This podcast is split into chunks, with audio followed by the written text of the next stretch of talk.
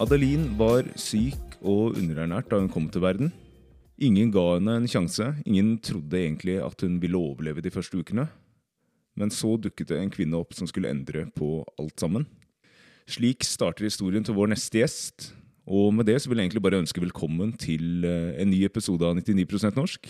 Mitt navn er Niklas, og som alltid så har jeg med meg min eh, aller beste venninne, podmaker og samarbeidspartner Sandra. Hei, hei. Og så må vi jo selvfølgelig ønske velkommen til deg, Adeline. Hei. Hei. Det er jo en veldig tøff start på en fortelling som egentlig er ganske hyggelig i utgangspunktet. Ja, det vil jeg si.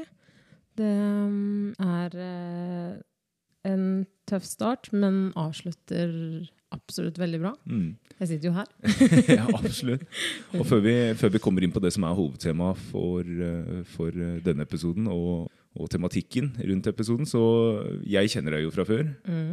Men eh, det er ikke alle lytterne som kjenner, kjenner deg like godt. Så kan ikke du bare fortelle litt grann om hvem du er i dag, hvor gammel du er, og, og litt sånn personalia-informasjon? Ja, det skal jeg. Jo, jeg heter da jo Adelin. Jobber i barnehage og er eh, 32 år og kommer fra Skien. Men har bodd nå de siste ja, Begynner å nærme seg 11-12 år, kanskje, i Oslo. Flytta nylig til Bærum i fjor. Jeg trives veldig godt med det. Ellers så har jeg jo vært litt rundt omkring også, fordi tidligere så har jeg jo drevet med dans. Mm. Eh, så det har ikke bare vært eh, i Skien og Oslo, men litt rundt omkring i verden også. Så det er jo egentlig en veldig fin ting. Jeg har jo fått høre litt av eh, historien din, men eh, kan ikke du ta oss med fra starten? Jo, det kan jeg. Eh, jeg er jo så heldig å ha blitt adoptert av en eh, veldig, veldig flott og fin familie. Og jeg kommer jo oppriktig fra Kongo. Eh, og der blei jeg født, og, men er oppvokst i Norge. Så Mm. begynnelsen av livet mitt var egentlig eh, ganske tøft, som vi nevnte i starten her. Hvor eh, jeg egentlig var så å si døden nær. Eh, jeg var veldig underernært. Jeg var utrolig liten. Eh, og det er grunnet av at eh, jeg ikke fikk eh, mulighet til å få noe eh, mat fra min mor da jeg ble født. For hun døde eh, da jeg ble født. Så en ganske røff start, vil Mm. man da si.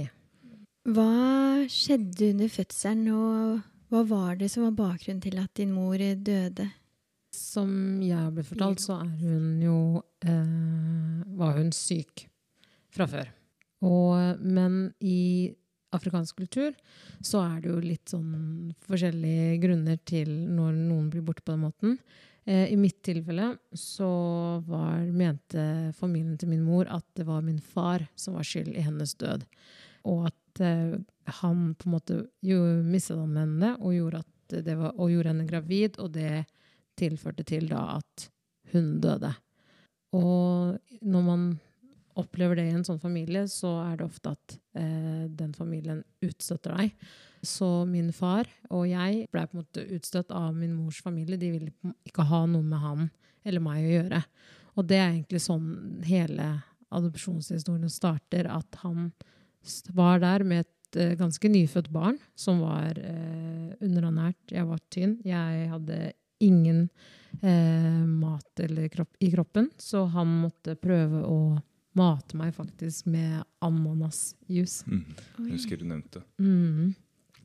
Så det er jo ikke så veldig bra eh, for et lite spedbarn eh, over lengre tid. Så han visste egentlig ikke hva han skulle gjøre, og fikk høre om eh, i em, landsbyen hvor jeg er fra, som er, em, som er Monga, at han kunne få hjelp oppe på eh, misjonsstasjonen. Du nevnte jo at du var veldig liten Mm. da du ble født. Blei du født for tidlig? Nei, jeg var egentlig ganske ferdig vokst. Men jeg veide faktisk ikke mer enn 1,3 kilo, og det er ganske lite når du blir født. Det går vel mer på at når du ikke får den næringa som et spedbarn skal ha, rett etter fødsel, så, så vokser du jo heller ikke. Så hvis du er liten i utgangspunktet, så har du ikke så mye å gå på. Så da tok faren din, eh, biologisk faren din med deg til misjonærsenteret? Ja, til stasjonen hvor Ja, stasjonen. min eh, nå mor og far, eh, som har vært eh, misjonærer i mange, mange år. Så de, hun jobba der på stasjonen, og faren min også. Ikke på den stasjonen, men i Kongo. Så det var rett og slett en dag hvor faren min bare kom opp på stasjonen med meg. Og min da mor, nåværende mor så oss, og jeg var veldig, veldig liten, så jeg var egentlig bare pakka inn i et lite pledd. Så når hun tok vekk pleddet og så meg, så kunne hun på en måte ikke tro det hun så, for det var så lite. Det var så tynt, og jeg, alt det var bare liten skrumpa inn. Så det var på en måte ikke et, hva skal man si, det var ikke et vakkert syn, det hun så. Men som min mor tenkte, er det liv, så på en måte er det håp, da. Og hun følte at, eh, at hun, dette var noe hun måtte prøve å, å redde. Mammaen og pappaen din møter deg. Hvordan eh, går veien videre? Sånn som det er i dag, så høres det ut som det har vært veldig, gått veldig, veldig bra. Men, Det eh, har det men- åpenbart. Det har det åpenbart. Eh, Men det, det var en i tøff start, fordi for det første så var det på en måte en, en, en kamp om om jeg faktisk kom til å overleve. Eh, For jeg var jo også selv veldig syk, så sjansene når du er bare noen uker gammel for å, å klare å komme opp på det nivået at man fungerer igjen. Eh, Men mammaen min var såpass knytta og følte at dette var noe vi bare måtte eh, gi en sjanse.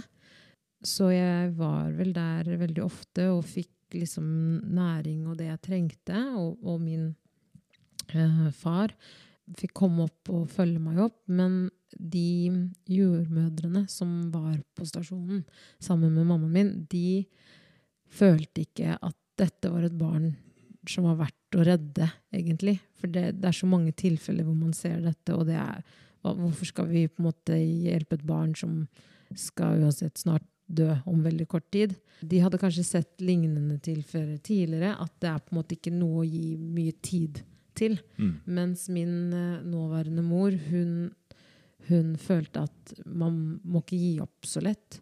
Så det var bare sånn Dette barnet må jeg bare nødt til å, å gi en sjanse. Så hun valgte rett og slett å ta med meg hjem til seg. Eh, Istedenfor å ha meg på stasjonen og følge meg tettere opp. Og det er egentlig da jeg også blir på en måte tatt inn i den familien med pappa og søsknene mine, fordi jeg blir en del av de veldig tidlig.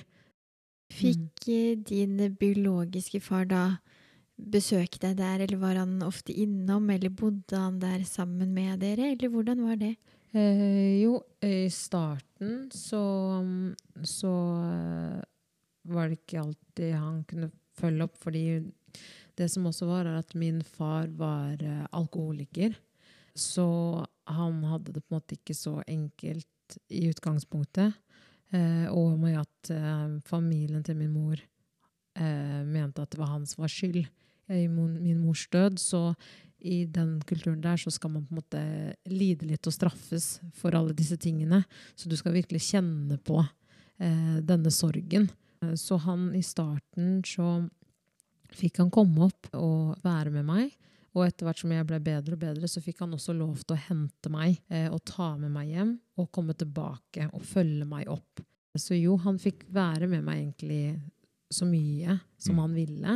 Og sånn at eh, hun hadde kontroll på at jeg ikke ble dårligere også. Og så ble jeg jo større, så jeg økte jo etter hvert, og det var jo positivt. Og hun også på en måte fikk se at jeg etter hvert fikk dette hva skal man kalle blikkontaktet som spedbarn gjerne har, når man begynner å kjenne igjen stemmer eh, og sånne type ting. Og da knyttes man jo enda mer. Så etter hvert så fikk han lov til å komme tilbake og hente meg og levere meg på kveldene. Eh, Hjem til mam min Ja. nåværende mor. Mm. Og så hadde jeg jo også to storebrødre, så de fulgte også opp og kom kunne etter hvert komme og hente meg. Bi biologiske storebrødre? Mm. Mm. Så jeg var hjemme med brødrene mine og eh, faren min Mm. så godt som, som han kunne passe på. Men det skulle ikke fortsette sånn altfor lenge før det blei um, til at uh, istedenfor å ta vare på meg som barn, så blei det på en måte viktigere etter hvert for min far å drikke alkohol. Så disse midlene som han fikk for å ta vare på meg, det blei midler som var lettere å selge. Eh, Mm. Og eh, da blei jo ikke jeg noe bedre heller. Og dette skjedde jo da når min mor dro tilbake. Så fikk hun høre at jeg, jeg blei på en måte ikke fulgt opp det jeg skulle. Mm. For da dro hun først tilbake til Norge, Mm. og så prøvde faren din å passe på deg så godt han kunne, da. Mm. Og så kom hun tilbake til Kongo senere igjen. Eh, Foreldrene mine de har jo vært ute flere ganger. Eh, Men andre gangen eh, de kom ut, det er på en måte den gangen hvor jeg på en måte også tilbringer den lengste tida med de, og er vokser opp med de veldig lenge. For jeg er jo kom jo til Norge når jeg er to år, så det er en ganske lang periode hvor jeg er med de før de reiser hjem til Norge. Og da har jeg på en måte også eh, vokst en del og blitt ganske stor og ganske livlig barn. Når eh, moren din kom tilbake for å Var du egentlig for å se igjen deg og se hvordan det gikk med deg, eller var det for å misjonere generelt? Ehm, For å hente meg var vel rett og slett et savn. Når de dro tilbake, så var det den sorgen så stor av å reise fra et barn som du på en måte har hatt fra det bare var et, noen par uker gammel. Til slutt så var det bare det savnet at dette må, barnet må jeg, må jeg bare hente. Eh, det er jo mitt, mitt barn. Så de tok jo også da noen runder hjemme, og det er jo ikke en avgjørelse hun måtte ta aleine. da familien din eh, skal tilbake og hente deg, Mm. hvordan eh, er den prosessen? Eh, Min nåværende mor, som dro faktisk helt aleine tilbake til Afrika. Hun hadde jo tross alt to døtre hjemme som eh, skulle følges opp. Så hun bestemte seg og sa men jeg drar ned aleine, og du blir her, rett og slett, og passer på de to andre. Mm. Og det er jo egentlig ganske tøft å dra ned. Ikke bare som kvinne, men også som hvit kvinne. For det eh, er jo ikke alltid det faller i god jord. Heldigvis så har det jo seg sånn at eh, min nåværende mor er jo både født og oppvokst i Kongo. Mm. Så dette er jo en kultur hun kjenner eh, veldig, veldig, veldig godt. Det er, hun snakker språket. Hun eh, kan alt av kroppsspråk. Hun, hun beter seg rett og slett som en kongoleser. Det stiller jo selvfølgelig mye sterkere. Det er også veldig spesielt, syns jeg, da, at man eh, har to norske foreldre som kjenner kulturen i Kongo. Så de har vokst opp der, de har bodd der lenge. Eh, søstrene dine eh, har delvis vokst opp i Kongo. Mm. Og født der. Mm. en av de, i hvert fall. Så der er jeg igjen eh, veldig heldig at jeg har en, en familie som ikke bare vet om historien min. De har vært med på hele prosessen, og de er på en måte også hele grunnen til at jeg er her per dags dato. Sånn at det som skjer, er at eh, min mor velger rett og slett å dra tilbake for å hente meg. Og det er jo eh, Sånn som det er nå, så er det ikke bare å få et barn eh, hvis du ønsker å adoptere. Det er mange ting som skal eh, på plass. Eh, og de kjente jo heller ikke til hvordan det var med adopsjon eller noen ting på den tida der. De hadde ikke hørt så veldig mye om det. Så det var rett og slett mamma sjøl som tok initiativet til å researche. Hva gjør jeg? Eh, Hvem spør jeg? Mm. Hun snakket vel med en dame i kjerka, tror jeg, som hadde adoptert henne før, eller noen hun kjente. Mm. Det var der hun fant ut at Det var der hun også fant var et alternativ. Ja. Men så må man jo ikke glemme at det hjelper ikke bare å ha alle disse papirene i Norge. Du skal jo ha alle disse papirene på plass i Kongo, Mm. og helst også på et annet språk. Mm. Så det som skjer, er jo at hun finner ut alt du trenger av informasjon for å få papirene på plass her hjemme i Norge først. Og får da på en måte alt av underskrifter som hun trenger fra UDI og politiet og alt eh, disse viktige personene som spiller inn. Og når hun på en måte er ferdig med å få alle disse papirene på plass, så må hun da også oversette alt Mm. dette her til fransk. For, fransk, ja. ja. Mm. Fordi det er jo ikke bare å ta med seg norske papirer ned og si sånn ja, men jeg har papirer, ja, så da Mm. kan jeg ta med meg dette barnet. Eh, for de forstår jo ingenting. Så det må oversettes. Og eh, hun da må også ha da signatur på disse oversettelsespapirene av norske myndigheter også. Mm. Så det er, Og eh, verifisere at det som står der, er er riktig. Ja, Ja. ikke sant. Så eh, per dags dato nå så er jo ting basically tilrettelagt, men det er det jo ikke når du gjør på en måte en privat adopsjon, som Mm. dette på en måte blir, da. Eh, og så, når hun da kommer ned og skal hente meg, så er det jo eh, visse personer som også skal inn i bildet og ta denne avgjørelsen. En av dem er jo selvfølgelig da min far. Som da, din biologiske far. Min biologiske far. Det er jo på en måte ikke den største hindringen, fordi det er jo eh, helt oppriktig greit for han. Mm. Han i utgangspunktet klarer jo ikke å ta vare på meg. Og så har du jo da eh, også andre viktige personer som skal inn i bildet.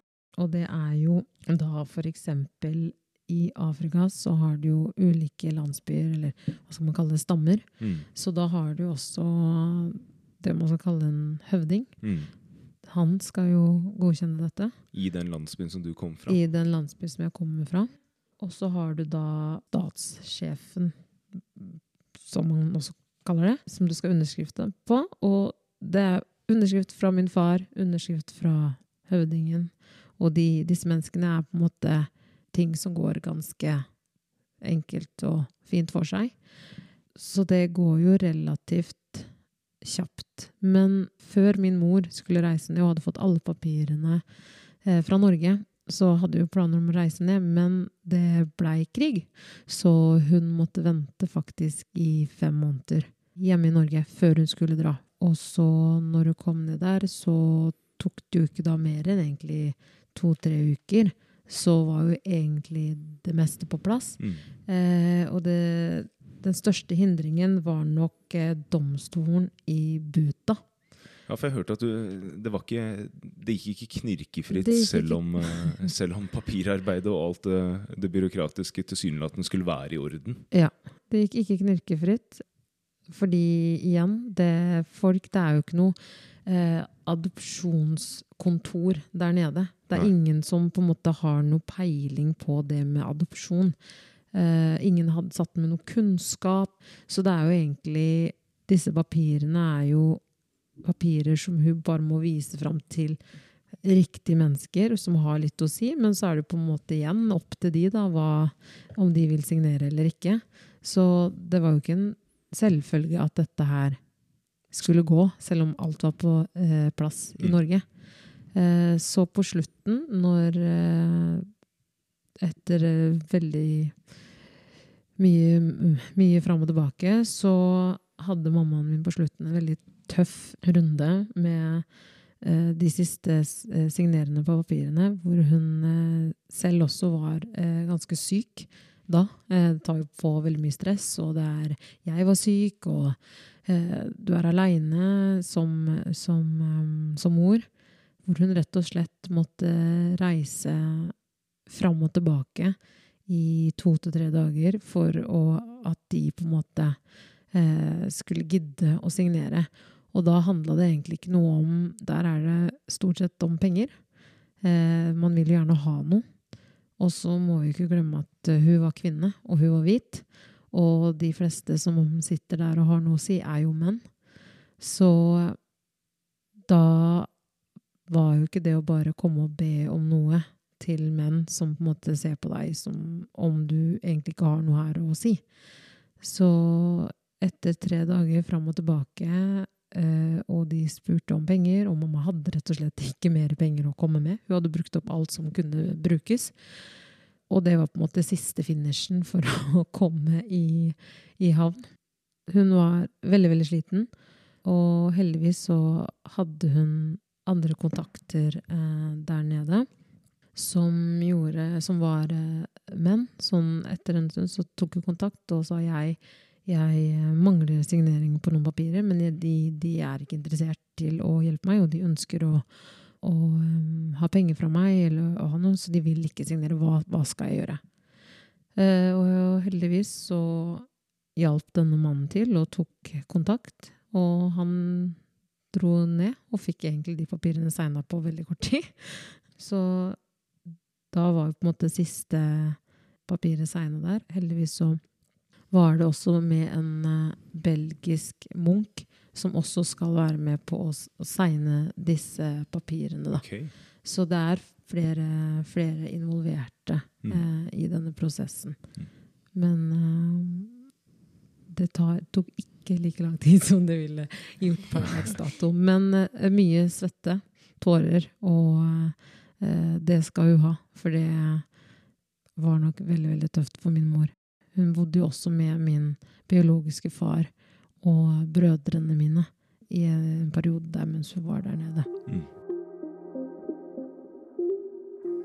Du har jo vært inne på det. Altså De enorme kulturelle forskjellene mellom Kongo og Norge. Sånn jeg oppfatter et veldig mannsdominert samfunn. Mm. Jeg skjønte også på deg at din biologiske far ikke hadde hatt det så lett. Og det var ikke bare psykisk terror, men det var en del andre ting òg. Mm. Um, som sagt, de Min mors familie mente jo da at, at han var medskyldig i det man ville kalt et uh, drap, da. Mm. Uh, fordi at uh, han, de mente at han hadde mishandla henne, og da også da gjort min mor gravid, som da førte til at jeg ble født, som da førte til at hun døde. Eh, og da eh, er det jo veldig straffbart, så han blei jo satt i fengsel og slapp ut til min mors begravelse. Hans straff var jo rett og slett å eh, bli slått og banka og torturert, og de helte rød pepper i øyne og nese Sånn at han på en måte skulle gråte da, og kjenne på den sorgen. Gråte over at hans eh, kone eh, var død. Så det Og begravelser i, i Kongo på den tid, det, det er eh, tre dager, da. Så da er det på en måte Det er tre dager hvor du skal kjenne på den straffen, og lenge etter det også.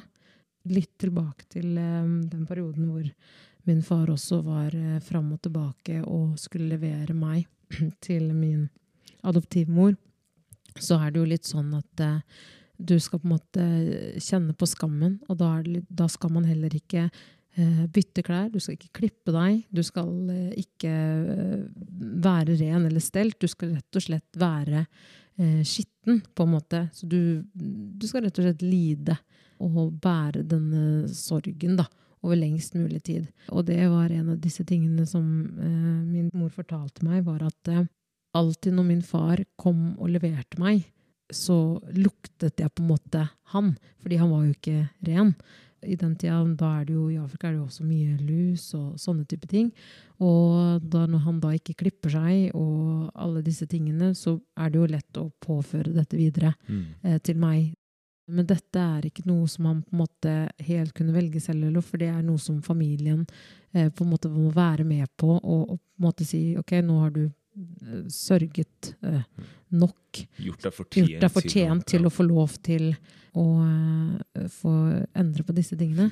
Så min mor måtte rett og slett til slutt eh, gå til eh, min mors familie og, og, være en slags megler og høre om ikke min far på en måte kunne få klippe seg og, og få slippe dette her. Og det var en dag hvor han kom opp, og da hadde han rett og slett fått klippe seg mm. og fått på andre klær og vaska seg. da. Så det, det, gikk til slutt, men det var også en vanskelig ting for min far. på en måte gi slipp på dette også, for det er en, hva skal man kalle det, en, en, en slags forbannelse, eller mm. eh, dette er bare skjebnen du skal ha når man går gjennom disse tingene. Så det er litt kulturelt også. Ja.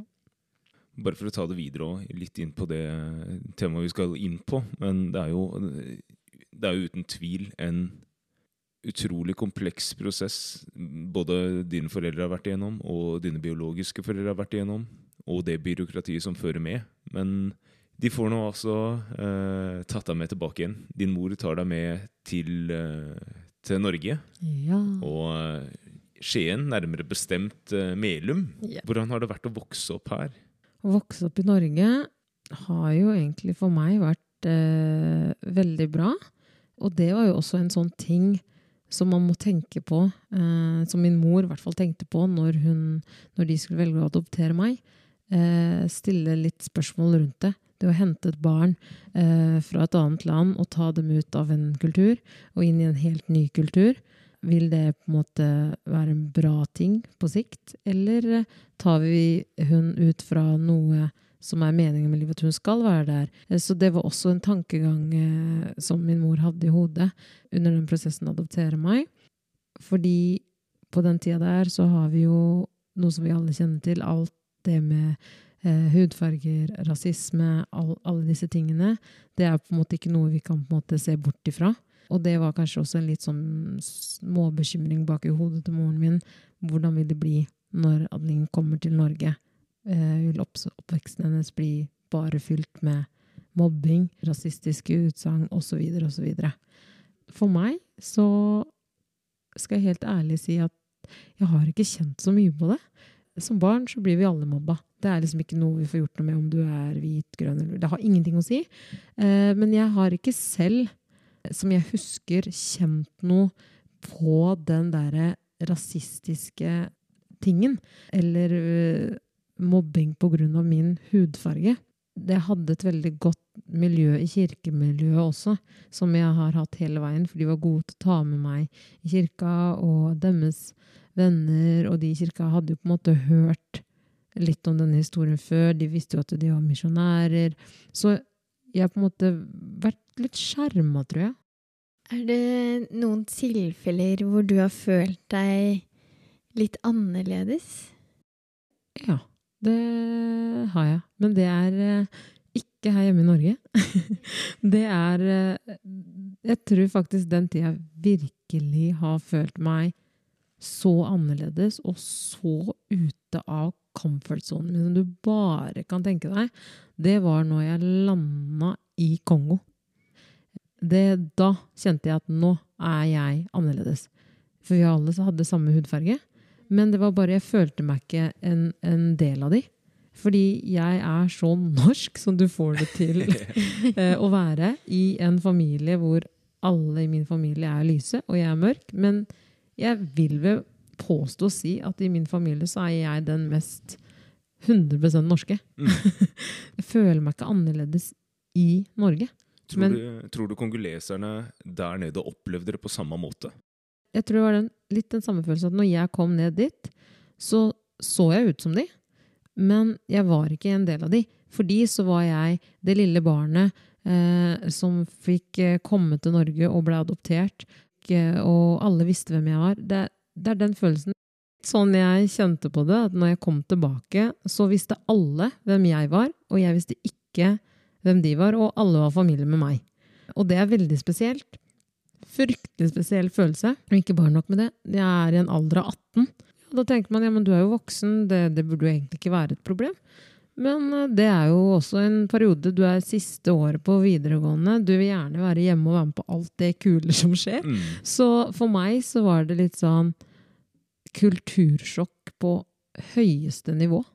Rett og slett. Og um, bare for å vise, eller fortelle hvor norsk jeg var, så nekta jeg å dra ned til Kongo hvis ikke jeg kunne ha med meg et par gummistøvler. Bare gummistøvler? Hvorfor gummistøvler? Fordi jeg har så slangefobi. Og, Ja. Så det var liksom Jeg labba rundt i Kongo i 40 varmegrader. Eh, koste hva det koste vil. De gummistøvlene, de skulle være på. Oi. Ja, ja.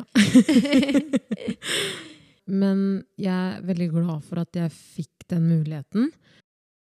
Du skal på en måte få rappa livet ditt opp Mm. på veldig kort tid.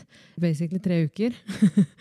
Eh, så for meg så var det nok nødvendig å få den reisen og se hvor jeg, hvor jeg var født og eh, hadde første tida av mitt liv. Mm. Eh, og møte slektninger og, og se hvordan livet mitt kunne ha vært. Så i alt i alt så, så var det nok bra for meg. Så du møtte da din biologiske familie når dere dro tilbake? Når jeg dro tilbake, som, eh, så fikk jeg jo møte noen. Min far, han døde eh, faktisk to år før jeg kom ned. Han fikk jeg på en måte aldri møtt. Så, men jeg fikk møte hans da nåværende kone, eller hans nåværende kone da, og de barna da som han har fått da i etterkant av meg. Også selvfølgelig litt halvsøsken der. Mm. og tanter, eh, onkler. Og for, la meg ikke glemme bestefar, altså min far til min mor. Og det er veldig spesielt når du da selv aldri har på en måte eh, møtt din mor som er død, biologiske mor som er død. Og ikke bare det, når du kommer ned sånn Jeg fikk rett og slett en hel landsbyfest dedikert til meg sjøl. Så du Alle har jo høye forventninger til deg. Alle skal se på deg. Alle skal eh, ha en bit av deg. Eh, folk går i mange dager for å bare møte deg. Igjen veldig hyggelig, og jeg blir jo glad, men det kan bli veldig mye og intenst. Mm. Men jeg fikk også kjenne på det at eh, jeg eh, kom til Norge såpass tidlig at eh, røttene mine, de er her. Naturlig nok. Fi- Fikk du ta det valget om å møte din biologiske familie selv? Det valget Jeg har vel ikke, sa vel ikke noe nei på det når det begynte å bli tatt opp som et tema. Eh, det var ikke sånn at jeg ikke ville møte noen. Eh, og så har vi jo på en måte De har hatt kontakt med familien min sånn opp igjennom hele tida. Både når min far levde, Mm. eh, i og med at det var, har vært misjonærer ut og inn av Kongo over lengre Mm. tid, Mm. så var det alltid mulighet for å få bilder eh, tilsendt. Jeg kunne sende bilder til, så de kunne se hvordan jeg vokste opp. Så det har på en måte vært en god og tett oppfølging. Det er kanskje også den grunnen til at jeg på en måte ikke har følt at jeg har mangla noe av min egen kultur, er fordi at det har vært kontinuerlig et eller annet forbindelse med Kongo. Eh, og det er jeg veldig glad for. Men da, det har kanskje vært grunnen til at jeg heller kanskje ikke har vært så nysgjerrig. Ja, ikke Mm. sant. Mm. Du, eller familien din, har jo også bodd der nede i mange år. Har de tatt med seg av, noe av kulturen tilbake til Norge? Hjemme? Absolutt. Eh, eh, det har de. Eh, Språket, det er noe som blir tulla med per dags dato. Eh, vi starter meg og pappa. Hvis jeg ringer til pappa, så eh, Ofte så starter han med å snakke til meg på fransk. Eh, Kan du fransk? Nei, jeg kan ikke fransk. Jeg kan forstå litt. Nei, så nei, det har absolutt eh, både språk, eh, mat, eh, musikk. Så absolutt ikke noe manko på, på, på det, altså. Når man reiser tilbake, som jeg nevnte tidligere, så eh, både min mor og far er jo døde. Så i Biologiske. Biologiske, Altså, ja. Biologiske er det. Eh, og em, da er det jo veldig vanlig at man skal ha begravelse og sørge. Så når jeg kom ned, eh, det er også en helt kulturting, eh, så ville jo de da ha ny begravelse for min del. Riktig. Mm. Eh, og det er veldig spesielt Det er, å gå i begravelse til din egen biologiske mor og far uten å ha på en måte noe tilknytning til dem. Eh, å stå der, eh, og det er jo ikke som en vanlig begravelse her hjemme i Norge. Det er en begravelse over mange, mange timer ute i sola. eh, I 40 varmegrader. Eh, og det er sang som bare er så gjentagende og så sakte og så trist at Jeg vet ikke hvordan jeg skal beskrive det, men det er, det er eh, ikke en det er, Ingen begravelse er hyggelig, men det er så langtekkelig. Mm. Og når du skal stå der Og det er kanskje en av de tingene ved meg som jeg har også bitt fast med meg eh, ved siden av min søster, lillesøster, biologiske lillesøster der, eh, er at jeg klarte ikke å sørge i denne begravelsen. Mm. Og du står der ute i Du må jo stå der nesten i tre, tre timer. Tre timer. Det var lange timer. Tre timer. Eh, og ikke felle én tåre. Men det tror jeg bare for at når du har da to, altså min nåværende far og nåværende mor, stående ved siden av deg, som er mine foreldre, Mm. så kunne jeg på en måte ikke gråte. Det var ikke noe for meg å gråte over. Det er, det er ikke mine foreldre som på en måte er borte. Så det var veldig uh, surrealistisk å skulle stå der og ha en begravelse for noen du ikke kjenner. Mm. Uh, men det var én ting som virkelig tok knekken på meg i den begravelsen. Jeg husker at jeg sto der og kikka rundt meg og hørte på denne sangen som var veldig Også veldig sånn Litt sånn slitsom å høre på. Mm. Og kikka rundt meg, og folk gråt og liksom var fra seg. Og jeg tenkte hva er det som skjer inni hodet mitt? Jeg griner ikke. Dette her, det er varmt. Jeg har ikke lyst til å være her. Det, det, spil, det var masse tanker som spilte i hodet mitt. Men så snudde jeg meg på et tidspunkt, og når man er i den høyden her, så ser man jo gjerne i den høyden. Mm. Men så glemte jeg et lite sekund at jeg hadde en seks år gammel jente som står ved siden av meg, som egentlig da er i begravelse nummer to til sin egen far. Og det knakk meg. Det Da trilla tårene. Herregud. Mm. Det er jo kjempespesielt. Veldig spesielt. Og det gjorde vondt, fordi jeg hadde allerede stått der ganske lenge og tenkt at dette her er jo helt tullete. Hvorfor er jeg her? Og liksom litt, vært litt egoistisk, egentlig. Men jeg tenkte ikke tanken at det står et lite barn her som, som sikkert syns dette her er helt forferdelig. Når du er seks år, så får du med deg mye. Så det er nok det minnet fra Kongo eh, som sitter sterkest i meg. Og å reise fra den seksåringen og vite at jeg får ikke gjort noe med det, det er nok det som har gjort meg mest eh, trist og vondt med den reisen der. Men jeg er glad for at jeg fikk den muligheten. Mm. Og det er et minne på en måte jeg aldri kommer til å glemme. Og det er ikke ofte jeg snakker om det her. Eh, og det er en grunn til det, fordi det er veldig sårt. Jeg jobber jo tross alt i en barnehage, så Mm. barn for meg er jo veldig eh, hjerteskjærende. Mm. Og det er ikke noe tvil om at altså, av det som kommer fram, da, at både tilbakereisen til Kongo, eh, selv om du kanskje ikke ville i utgangspunktet ha eh, hatt en stor innvirkning på, på livet ditt i dag, Mm. og at også familien din, som har vokst opp der, og som har tatt med seg mye kultur tilbake igjen, har hatt en innvirkning på, på hvordan, hvordan oppveksten har vært, og hva som har skjedd innenfor de fire veggene i ditt hjem. Mm. Tror du det har hatt noe innvirkning på, på ditt forhold til adopsjon? Ja, når det kommer til det med adopsjon, så syns jeg det er en veldig, veldig fin og bra ting.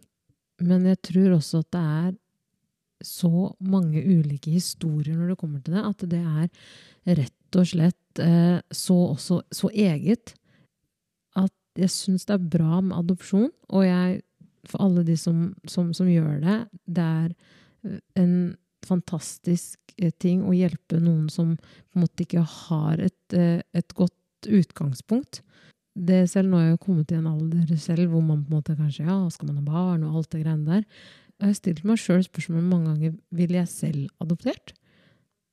Og jeg har liksom litt landa litt på at jeg tror Jeg er ikke helt sikker på det, altså. Jeg har vært veldig heldig selv og opplevd det. Og, da kan også ha mange tanker rundt det for hvorfor, og hvorfor ikke. Mm. Og det er jo på en måte min egen, egen eh, vurdering. Mm. Hva er det som har eh, gjort at du vurderer å ikke gjøre det selv, eventuelt? Litt det der eh, av at eh, nå, som vi nevnte i starten, jeg tror at adopsjon nå er ikke det, er ikke det er ikke lett. Det er mange ting som skal inn i bildet. Det er mye strengere. For meg så tror jeg det er at jeg ønsker rett og slett å se meg selv i mitt eget barn. Og se at det noe jeg har skapt, har noe av, den personen jeg er med, eller av meg selv. Det tror jeg egentlig er bare grunnen for, for meg, da. Det tror jeg veldig mange adopterte kan relatere seg til, faktisk. Ja. Ja, jeg kjenner litt på det selv òg, selv om jeg kunne nok eh, gjort det, selvfølgelig. Og er åpen for det. Og så tror jeg, som du sier, jeg, det er ikke sånn at jeg ikke kunne endra tanke om det, men jeg tror det er den derre Jeg kunne kanskje gjort det hvis jeg hadde selv ett eller to barn fra før, Mm. og ønsket det tredje, sånn som min mor nå i dag har gjort. Mm. Eh, men det å gjøre det først uten å ha få min, prøvd å få mine egne, det, det tror jeg er der det sitter. Altså. Men jeg skal ikke se bort fra at jeg kunne vært åpen for det. Eh, at det kan endre seg. Så Mm. kommer det an på hvem du er med som eh, den personen du er med også. For du er jo ikke aleine å ta den avgjørelsen. Kanskje den, den personen har et, et ønske om det lenge. Mm. Eh, og da må man jo drøfte rundt det. Og rett og slett møtes på halvveien. Mm. Eh, men eh, Så det ja, ja. Adeline, tusen takk for at du hadde lyst til å dele historien din. Bare hyggelig. Neste søndag så skal vi få treffe Andrea. Hun er eh, adoptert fra Costa Rica og har bl.a. også vært med i eh, programmet Sporløst. Følg oss gjerne på Instagram på 99% norsk hvis dere ikke gjør det allerede. Så får dere ha en fin uke videre, så ses vi neste søndag.